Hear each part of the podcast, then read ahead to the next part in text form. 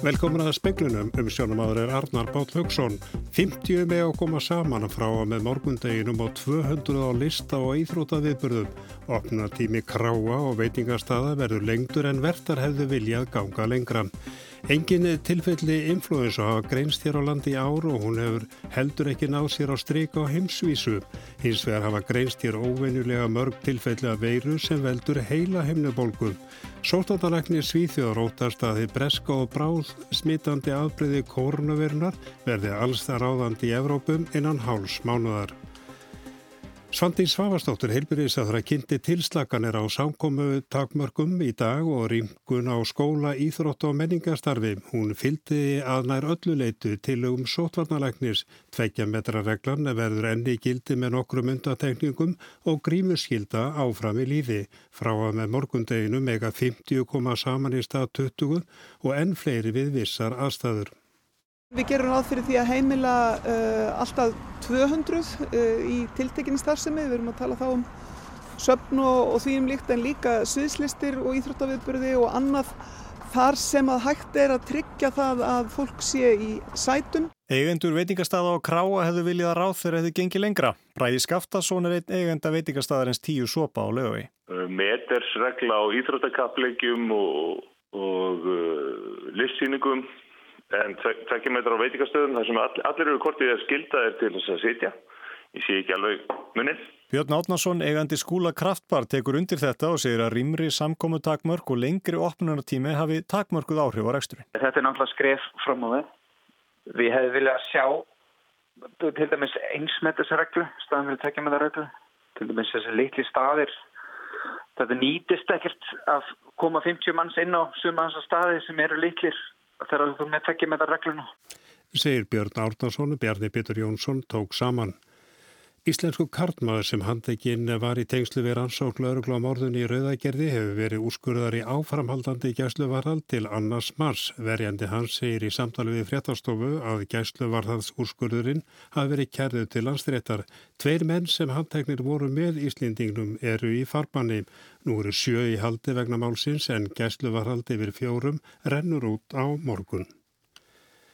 Már Kristjánsson yfirlagnir er smit sjúkdómalækning á landsbytarnanum segir að erfið sé að finna skýringar á því hvers vegna engin influensutilfelli hafi grinst á veirufræðideildin í ár en sótvarnir, fjarlæða mörg og grímur hafi öruglega sitt að segja. Már segir að svipað hafi átt sér stað í Evrópu og hér á landi að engin influensu tilfelli hafi greinst. Hér á landi hafi einni greinst lítið af RS-veirunni sem oft hefur verið í hámæli hér á landi um þetta leiti árs. Aftur á móti hefur greinst óvenjulega mikið af heilahemminubólgu að völdum endur og veira sem undir venjulegum kringumstæðum gangi síðsumars og snemma á haustin. Þetta er ekki alvarlegt í þeim skilningi sko að það hérna leiði til örkumla eða eitthvað slíkt en getur, þetta getur verið þrálátt og leiðendur höfverkur. Sko það eru skráð hérna endur og veirur greiningar, um, já þetta er vel á annan tug sem við hefum greitt núna bara síðan um áramáttin. Engin skýring liggur fyrir á hvers vegna minna er um influensu og meira af enteroveiru á þessum árstíma en það sé nokkuð ljóst að fólk hegðar sér öðruvísi vegna COVID-19. Grímunótkun sé mjög almenn hér og víðast hvar í Evrópu, einnig handþvottur, samkomu takmarkanir og svo framvegis. Um 80.000 skamtara bólefni við influensu voru keiftir í ár sem er meira heldur en undanfarin ár. Þannig að núvandi bólusetningar og þetta allt saman og, og síðan þetta hreinlæti sem hefur verið að, og, og, og það verðist vera það viðtakt að, að, að sko influensan nær sér ekkit á stuð hvort í söður kveli sko síðastlið suman eða núna norður kveli í, í, í þennan veturinn. Þetta var Már Kristjánsson, Bergljótu Baldurstóttir, talaði við hann. Lauraglun á höfuborgarsvæðinu hefur nú til endurskoðunar hvernig upplýsingagjöf ennbættisins til fjölmiðla er háttað. Tilefni er ásmundarsalarmáli sem kom upp á Þorláksmessu. Í dagbókarfæstu lauruglunar á aðfangadag kom fram að ráþur í ríkistjóðinni hefði verið í sangkvæmi kvöldi áður þar sem sótvarnir voru brotnar. Síðan sama dag komi ljós að Bjarni Benediktsson fjármálaráþura hafði verið í sangkvæminum. Áslög Arnar Sigurbjörnstóttir, dómsmálaráþura, ringdi í lauruglustjóran á aðfangadag til til þess að spyrjast um upplýsingagjöf ennbættisins og það verður nána fjallum þetta máli fréttum okkar klukkan 7. Bólusetning 90 ára og eldri lauk í dag þegar 750 manns úr þeim aldursópi fengu síðari bólusetningu sína. Í næstu viku verður bólusetningar meðstöðin fyrir höfuborgarsvæði flutt af Suðurlandsbröð í lögatarsöld. Hjón sem hafi verið gifti yfir 70 ár voru allsæl að þykja bólusetningu þegar þau voru tekinn tali í dag. Hverju breytir þetta fyrir ykkur? Já, náttúrulega með, telur með fjörubæðum að þeir fæst brautu náttúrulega. Hef ekki fundið fyrir neinum aukaverkunum? Neinu, neinu. Þetta fann vikur um mánuð, hafið þið þetta að fara mjög mikið varlega? Nei, ekki þannig, neini. Ég hef ekki, ekki farið út sem þetta byrjaði. Farið eftir öllu sem við segir. Það var lít honum í einu og öllu? Já, já, já. já, já, já. En hvernig með svona framhaldið, heldur þetta svona að þið getið farið? Það veitum við ekkert um minn framhaldið og ekki þú heldur. Þetta voru þau Steifþóru Stengrímsson og Svala Víkulundi, Bjarni Rúnarsson rætti við þau. Kona sem verið hefur í reglubundu eftirliti vegna frumabreitingi í leghálsi í yfir 20 ári segir að heilbyrjastkerfið verða að halda betur utanum konur í þessari stöðum. Það valdi streitu og álægi að býða mánuðu saman eftir niðurstöðum. Þegar helsugjæslan tók við leghálskimun af krabbaminnsfélaginum áramótin var ímislegt ófrá gengið. Tölvukerfið ekki klárt og ekki búið að semja við dönsku rannsóknarstofuna við ofri í Kaupmannarhöfn sem nú greinir síni frá Íslandi. Um 2400 síni sem tekinuði verið á leitarstöðin í november og desemberi fyrra lendu þjóðan í kassa. Forstjóri heilsugjæslunar á höfuborgarsvæðinu baðst í gerð afsökunar á töfunum sem orðið hafa við yfirfæsluna. Nú er búið að greina helming þessara sína en um 1200 konur býða en svara. Sigriður Guðmundsdóttir er einn þeirra. Hún hefur verið í reglulegu eftirliti frá því hún greindist með miklar frumubreitingar árið 1997. Þannig að ég þarf að vera mjög dögleg að mæta og, og hérna, mæta öll og skipta mig miklu máli að fá svör sem fyrst ég að það stressa mann að fyrir að býða mánuðu saman. Hún segist ekki að fengi neinar upplýsingar um hvar niðurstaðan er að byrtast, hinga til hafi svarið komið í pósti eftir 5-6 vikur. Önnur kona í sömu stöðu fekk þar upplýsingar frá kvennsjúkdómalagninum sínum að niðurstöðunar kæmu inn á mínar síður á Ísland.is.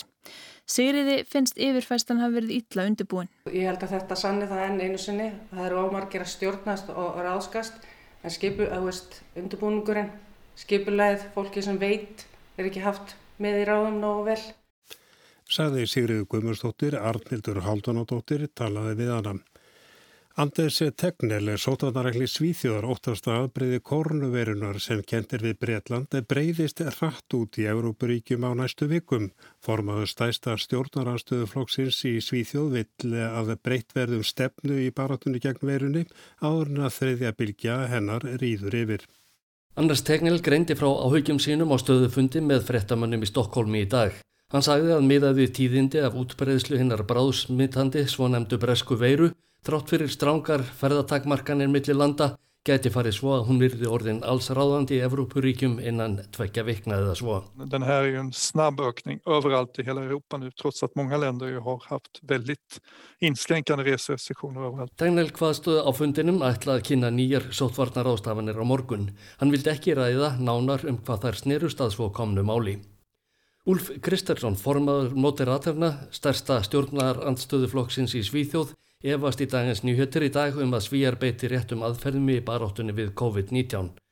Þar segist hann ætla að ræða við leittóa annara flokka á morgun um hvort ekki sé rétt að breyta um stefnu þegar þriðja bílgja koronavirunar rýður yfir. Ásker Tómasson saði frá. Flugverkjar hjá landeikiskjæslinu segja nýri kjærasáningur samkvæmt úrskurði gerðardóms seti Frontex verkefni gæslunar í uppnám. Samningurinn hveð á um að starfstaður flugverkjar sé ráðningarstaður þeirra og því berir þeim ekki að vinna erlendist nemaðum þar sé sérstaklega samið. Guðmundur Úlvar Jónsson, formaður flugverkjarfélagsins, segir þetta breytingu frá fyrri samningi.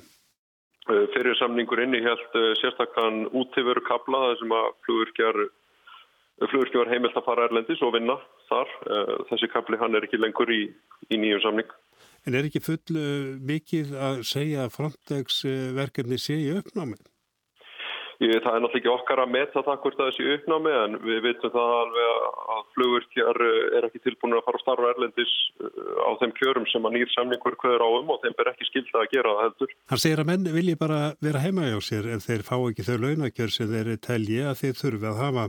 Flugverkjar séu tilbúin að semjum þetta og gæstluna hafi verið sendt brefum að flugverkjar þurfi ekki að fara út samkvæmt nýja samningnum. Við hefum ekki fengið svar frá gæstlunum, nei. Gæstan hefur haldið því að flugverkjum og þeir þurfi bara að fara út alveg sama hvað og það þurfi ekki að semja sérstaklega um þetta þráttur á samningunum hveð áum og það þurfi. Þetta var Guðmundur Ólvar Jónsson. Samkomabann verður rýmra frá með morgundeginu því þá með að koma saman 50 í einu í stað 20. Alls með að 150 manns vera saman í rými í skólum og einsmetrareglan leysir tveggjametruna regluna af hólmi. Þá með að alltaf 200 manns vera á viðbörðum eins og íþróttaviðbörðum. Áhörundu verða að vera skráður í sæti og einn metri verður að vera á milli óskildran. Almennt gildir þó áfram með tveikjametrarreglan og grímuskylda verður óbreytt. Skólastarfi framhalskólum kemst í nánast eðlegt horfið breytingu á sótvarnareglum, mikla breytingar verða á félagslífi nefnda og því fagna þeir ákaft. Faraldurinn hefur þó þau áhrif að einhverjir framhalskólanemar munu senka námið að hætta jafnil alveg. Þá sjá íþróttafélum fram á auknar tekjur og stuðning með því að fá að taka á móti áhörfundum. Við ætlum að taka hérna hús á formanni skólamestarafélagsins sem er jafnframt skólamestari fjölbreytaskólans í Garðabæ, Kristinn Þorstensson. Nú náttúrulega kynntir á þeirra tilslaganir á þessum sóttvarnar aðgerðum. Breytir þetta miklu fyrir framhaldsskólana? Sko fyrir framhaldsskólana var opna mjög verulegu um áramótin þannig að flestir þeirra fóru í nokkuð venjulegt starfkavarða kennslu. Þetta opnar eiginlega restina, ég sé ekki þannig að framhalskólar gildi haldi út í fullri kennslu frá um að þessi reglíkjur tekur gildi þannig að þetta er bara mjög jákvæmt en vissulega vorum við búin að fá talsverðar tilslaganir áður. Breytir þetta einhvern veginn hvað nefnendur með að gera eða svo leys? Þetta breytir náttúrulega í félagslífi nefnda þarna geta haldið sangum yfir alltaf 150 manns með ákunnum takmörkunum þannig að það opnar ýmsa möguleika. Eru allir kennarar til í þetta því nú náttúrulega er faraldun ekki gengin yfir? Sko ég, ég veit ekki betur en allir skólar hafa nálgast að þannig að þeir kennara sem ekki trista sér til að kenna undir þessum kringustæðum þeir hafa þá sittar afræðin kennslu. Þannig hefur það ykkur liti verið hér og þannig verið í fleiri skólum og ég held að menn munu áfram nálgast á þann hátt. Ég held í langflessu skólum er megin þóri kennara við kennslu en það er bara sínt tillit sem er við þá sem hérna hafa ekki hilsu til það óttast með hilsunum þá er sjálfsagt að taka tillit til þess og ég veit ekki til að það valdi vandræðum og, og, og ég held að valdi ennsýðu vandræða nú þegar landið virist vera orðið veiru lítið ef ekki verið laust. Það er náttúrulega verið aldrei tala um að þetta hefði áhrif á líða nefnda þessar takkvarkanir. Hefur þið fundið fyrir því? Jú, vissulega, sko, það, það hefur gengið ótrúlega vel í framhalskólum en það er alltaf ykkur fórnalömp og það er ykkur sem munur senka námi eða falla frá námi og það er vegna, vegna COVID. En kennsla hefur gengið vel og við höfum lært mikið og náð að halda kennsla ótrúlega vel í gangi á, á, þessum, á þessu ári síðan COVID skall á. Ef félagslíf nefnda hefur liðið stórgóðslega fyrir og þar held ég að verði vola gaman ef við getum fara að opna meira fyrir það og og ég held að það stýtti nefndu meira máli heldur en ákveður að hvort þau eru nákvæmlega 100% í staðnum alla tíman en að geta, geta hiss meira og gert meira, það vonandi er að opnast meira fyrir það núna. Er þetta of lítill fyrirvari á þessum breytingum? Nei, nei, ég, við erum orðin uh, þrautum við því að breyðast við með stuttum fyrirvara og, og við höfum fundið ákala þétt og mikið með mentabráðara sem hittir okkur vikulega ná, svo, svo gott sem og, og hefur upplýst okkur um, um hvað standir til. Í, ég hef, þarf alls ekki við því að kvarta og, og við hefum fundið skott að vinna með stjórnvöldurum á þessum tíma. Og ég er búin að fá til mín hana önnu Sólíu Stefánsdóttur, fosseta nefndafélags fjölbytaskólans í Garðabæ. Hvernig líst þér á þessa breytingar sem eiga að taka gildi bara strax á morgun? Þessa breytingar náttúrulega gera ótrúlega mikið fyrir félagslífskólans og þetta náttúrulega þýðir það að við getum farið að halda litla viðbyrjif innan skóla fyrir nefndaskóla og ég sé bara bjart að tíma að koma. Ótrúlega gaman að leifa krökkunum að hittast, þó að sem er grími, hanska, whatever, skiptir ekki máli, bara við fáum að hittast og gera eitthvað. bara vökunótt, skemmtikvöld, mögulega skíðaferð, eitthvað skemmtilegt fyrir krakkana. Langar mann ekkert að hittast meira á Zoom? Nei, ég held að þölum að þessi alveg búinn þar. Ég held að það sé ekkert meira. en það gerðum við nóga því. Það búið full nýta allar þess að rafrænu möguleika. Já, ég held það. Þetta var, þetta var samt mjög góð lausn á sínum tíma. En núna eftir jól þá held ég að krakkar sé alveg komnið með nóga þessu. Auðvitað er komið staðan ám. Þannig að vilja krakkar bara fara hitt, e, vera með félagslega viðbyrði í skólunum alveg þess að þeir eru í tímu í skólunum. Þannig að, já. Er þetta búið að hafa áhrif svona á líðanina hjá krakkum að vera bara í einhverjum rafrænum hittingum?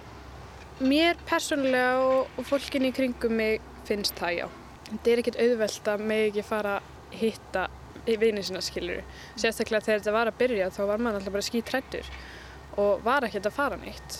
Og þá fyrst áttaði maður þessi ást því hvað þetta hefur ótrúlega mikið áhrif og mentaskólinn er náttúrulega bara vanlega þrjú ár núna og við höfum þrjú ár til þess að í rauninni njóta lífsins með þessum krakkum sem við erum með hér. Þannig að það að félagslega lífið fari út úr mentaskóla þá er ekkert eftir nema námið mm. og þá verður þetta bara erfitt. Það er bara staðrind. Þið eru eiginlega búin að missa eitt ár af þessum þrjumur. Já og þetta er náttúrulega allra vest fyrir busana sem voru að koma inn í skóla núna. Alla nýnumennar sem voru að koma og núna er bara tilvalið að hafa eitthvað fyrir þá núna, leifa þeim að kynnast. Þau er náttúrulega allar bara búin að hittast. Og hvinnar sér þau fram á að þú bara fara að hérna, hitta krakka þá í félagslífi? Það er bara á kortuninu bara núna á næstu vikum. Við ætlum núna að eiga þessari vikun og nefndafélagi í að skipilegja eitthvað svona viðbyrði framöndan og bara gera okkar allar bestunum til að nýta það sem eftir er í viðbyrði. Eru margir hérna í skólunum sem þú hefur bara aldrei séð? Aðalega nýnumar já. Ég er náttúrulega þriði ári. Þannig að ég þekki flesta sem eru á öru og þriða. En nýnumar það er eitthvað sem ég á eftir að kynast og mér lakar ótrúlega mikið til. Þannig að þú ert bara kampakátt með þessar breytingar? Mjög. Alveg óendalega kátt. Ég finn engan endi sko. það er bara þannig. Það er orðið langt síðan íþróttafólk hafði stuðningsmenn í stúkunni til þess að fagna og steyðja. Steinun Björstóttir fyrirliði í mestararflokki Kvenna í fram fagnar ákaft breytingunni. Það náttúrulega hafa ekki verið neina áhörundir á þessu tímabili bara. Þannig að það var gleði fréttir í morgun.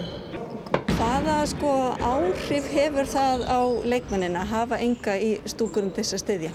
Það hefur alveg mjög mikil áhrif þótt að maður vill náttúrulega meina þegar maður er komin inn í leikin að þá er maður bara fókus á leikin og allt, allt svoleiðis en það hefur náttúrulega gríðilega áhrif bara stemninguna og, og lætin og, finna fyrir stöðningi veist, og það er oft talað um að árundu séu bara þessi auka leiðsfélagi sem að hérna, þarf til þess að ná góðum sigurum og slíkt. Svo er þetta eitthvað svona fjáraslega spursmál það ekki?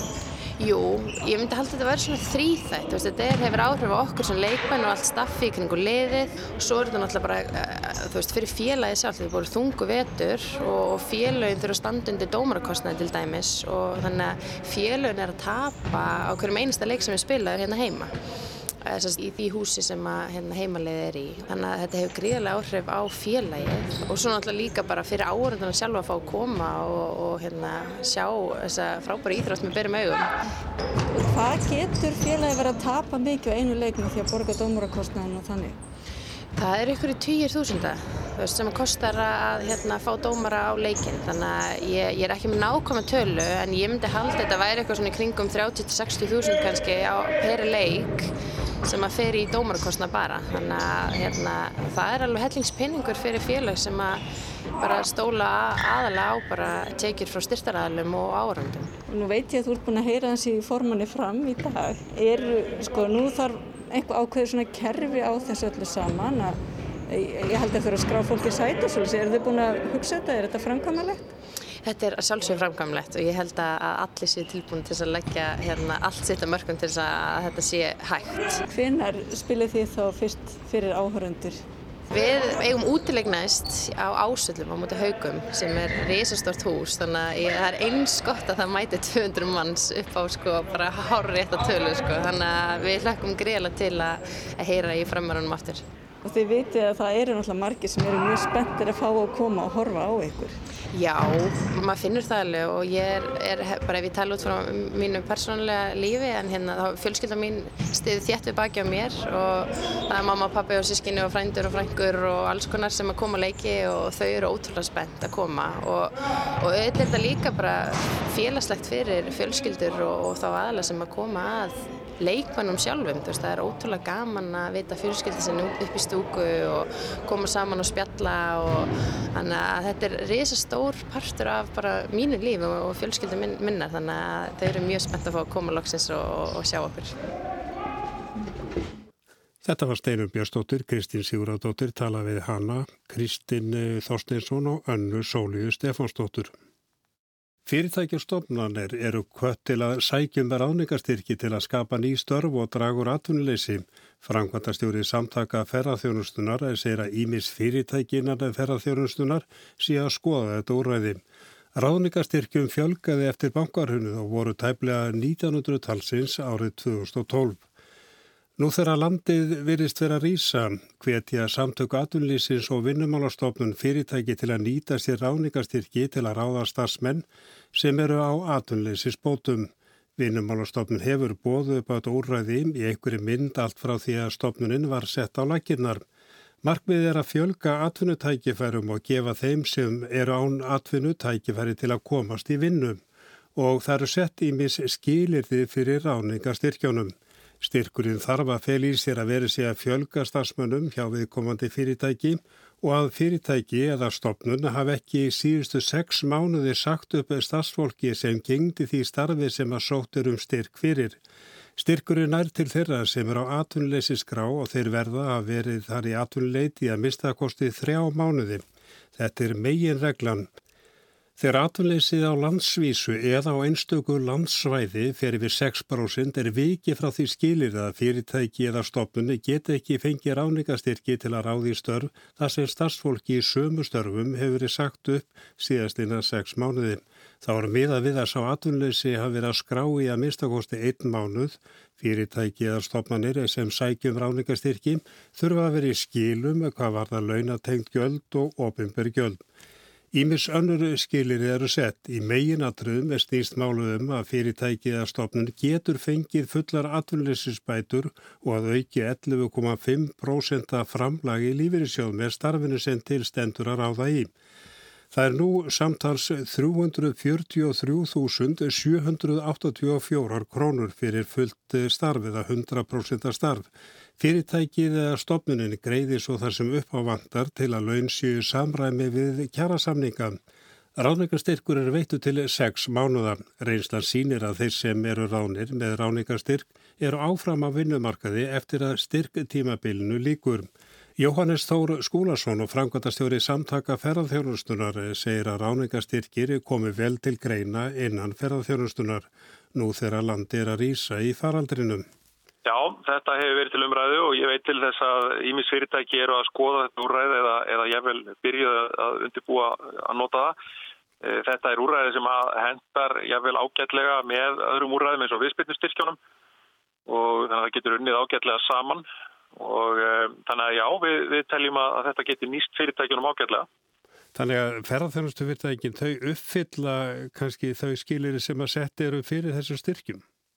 Ég tel að þau geti, já, mörg hver ef ekki flest uppfyllt þessi, þessi skiliri og, og uh, það má benda á að, að uh, samtökatun lífsins og vinnumálastofnun eru með kynningafundi mitt á morgun uh, fyrir fyrirtæki um þessa styrki og rétt að hvetja, hvetja fórsvarsminn fyrirtæki til þess að skoða það. Þetta er úræði sem ég held að sé afarskinsamlegt, er, er búið að vera nokkuð lengi bóði og hefur verið aðlagast og, og ég held að það sé eh, nokkuð ljóst að þetta geti, geti nýst fyrirtækjum ágjörlega.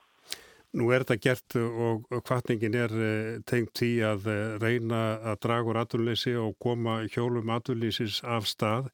Er þannig hugur núna í ferðarþjónustu fyrirtækjum að landi sé að rýsa? Sko, þetta verður afar erfitt ár. Þetta náttúrulega er að tímalínur tölvert aftar heldur en við kannski vonuðumst til núna í síðastlið sumar þegar við, þegar við vorum að horfa inn í framtíðina.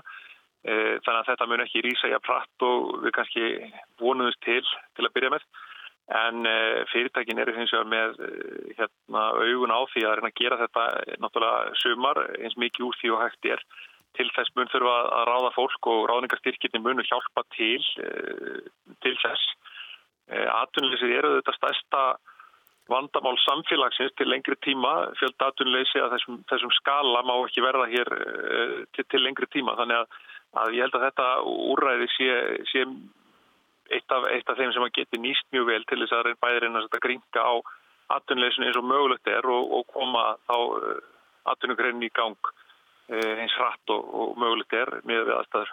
En er ferðarþjóðsna núna búin að setja sig við það að hún þurfi kannski eða greinin þurfi að, að treysta á Íslendinga ferðalög þeirra í sumar?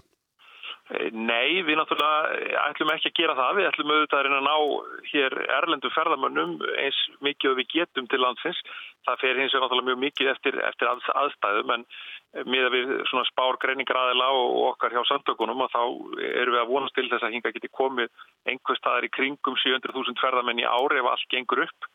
Ehm, það eru ýmsar eins og segja og óvísu breytur sem að þá þurfa að, að ganga okkur í hag en uh, það skiptir öllu máli fyrir það að við getum uh, náð viðspilnunni uh, og síðan fengið innanlandsmarkaðinn og vöxtin í honum og Íslandingana ofan á það og þá erum við farin að tala um það að þetta geti verið ár sem við getum náð einhverju, einhver ágætt út úr. Reykjavíkuborg hefur þegar ákveðið að nýta sér ráningarstyrki til stendur að skapa 150 ný störf og ráða fólk sem hefur verið á atvinnleysisgrám. Þá líka bjóð upp á 50 störf fyrir þá sem að hafa fallið út á bótum og fá fjárrags aðstóð. Já, við erum að fara stað í vinnumarkas aðgerðir. Hérna, það eru 8600 manns atvinnleysir í borginni núna og sem er grav alvarlegt mál og þegar við erum að horfa á svo stóru tölur þá sjáum við líka að við erum að sjá meira atvinnleysi í fjölda einstaklinga núna heldur í hrununu og við munum eitthvað hvað, okkur fannst þá. Og það er ekki síður mikið vægt núna að breyðast við. Með þessa 8600 einstaklinga í Reykjavík sem eru atvinnuleysir eru hansi margir sem eru búin að vera atvinnuleysir í 6-12 mánuði eða lengur Sagði Þórtís Lóa Þóraldstóttir formaður borgaráðs í Vital í speiklunum. Aldís Hafsteinstóttir formaður sambans íslenskra sveitarfélaga segir að sveitarfélagin muni nýta sér ráningastyrkina.